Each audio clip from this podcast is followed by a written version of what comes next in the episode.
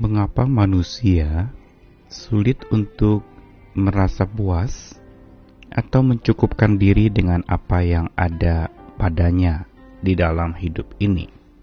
Tentu saja ini berkaitan dengan yang pertama adalah natur manusia yang ketika tercipta sesungguhnya di dalam diri manusia itu ada ruang hampa yang memang tidak dapat diisi oleh apa pun atau siapa pun juga kecuali oleh Tuhan Sang Pencipta itu.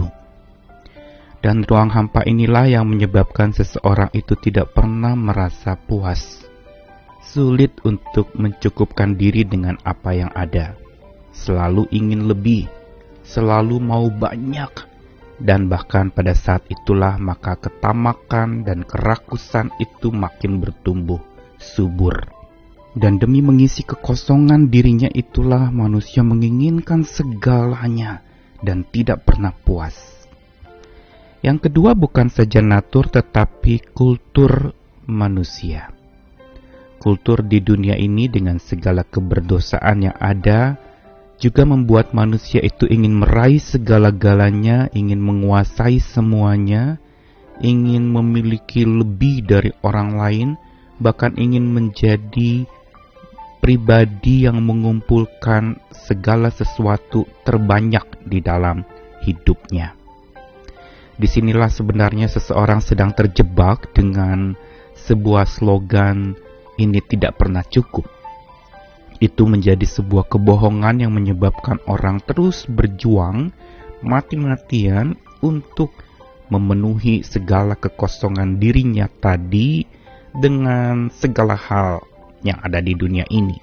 Dan pada saat itulah ketika kultur menentukan orang yang hebat adalah orang yang memiliki banyak materi pada saat itulah seseorang lalu kemudian mencari-cari materi sebanyak mungkin untuk supaya dia diakui dan diterima oleh kultur dunia ini. Namun bagaimana caranya dan apa yang kita suci ajarkan mengenai belajar mencukupkan diri?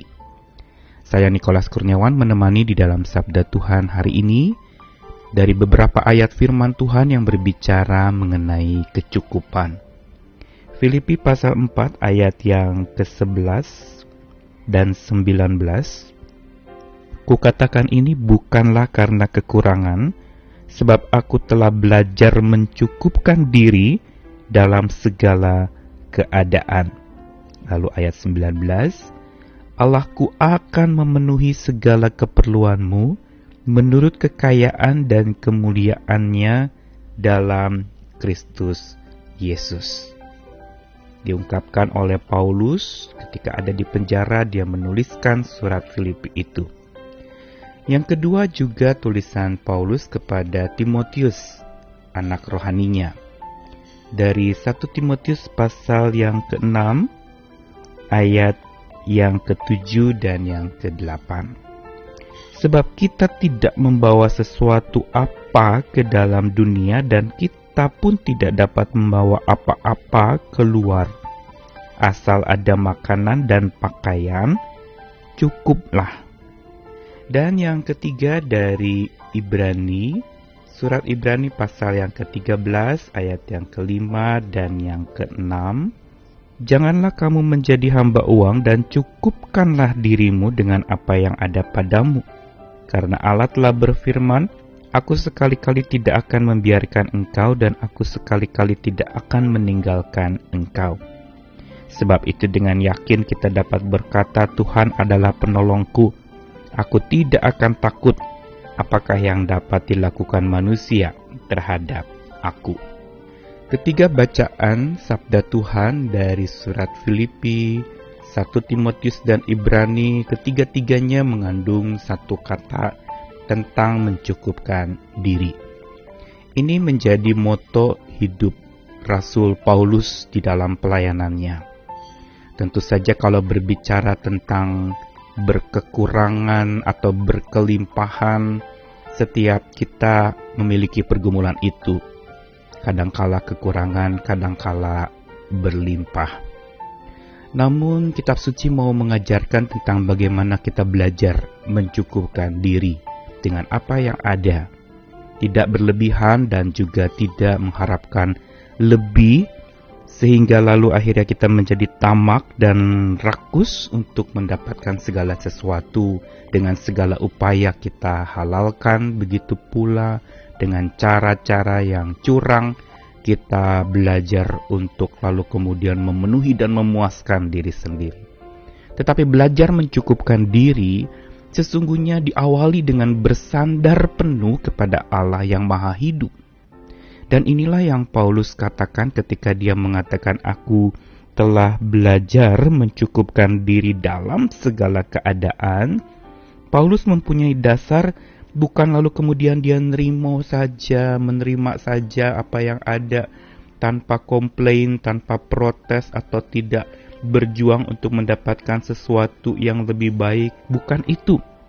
Tetapi dasar dan alasan Paulus yang menyebabkan dia mau belajar mencukupkan diri dengan apa yang ada di dalam hidupnya dan dalam segala keadaan hidupnya adalah karena ada di dalam ayat 19 tadi bahwa Allah memenuhi segala keperluannya menurut kekayaan dan kemuliaan dalam Kristus Yesus. Inilah yang menjadi fondasi untuk seseorang belajar mencukupkan diri yaitu bersandar penuh kepada Allah yang maha hidup, yang sanggup menghidupi kita oleh kemurahan pemeliharaannya.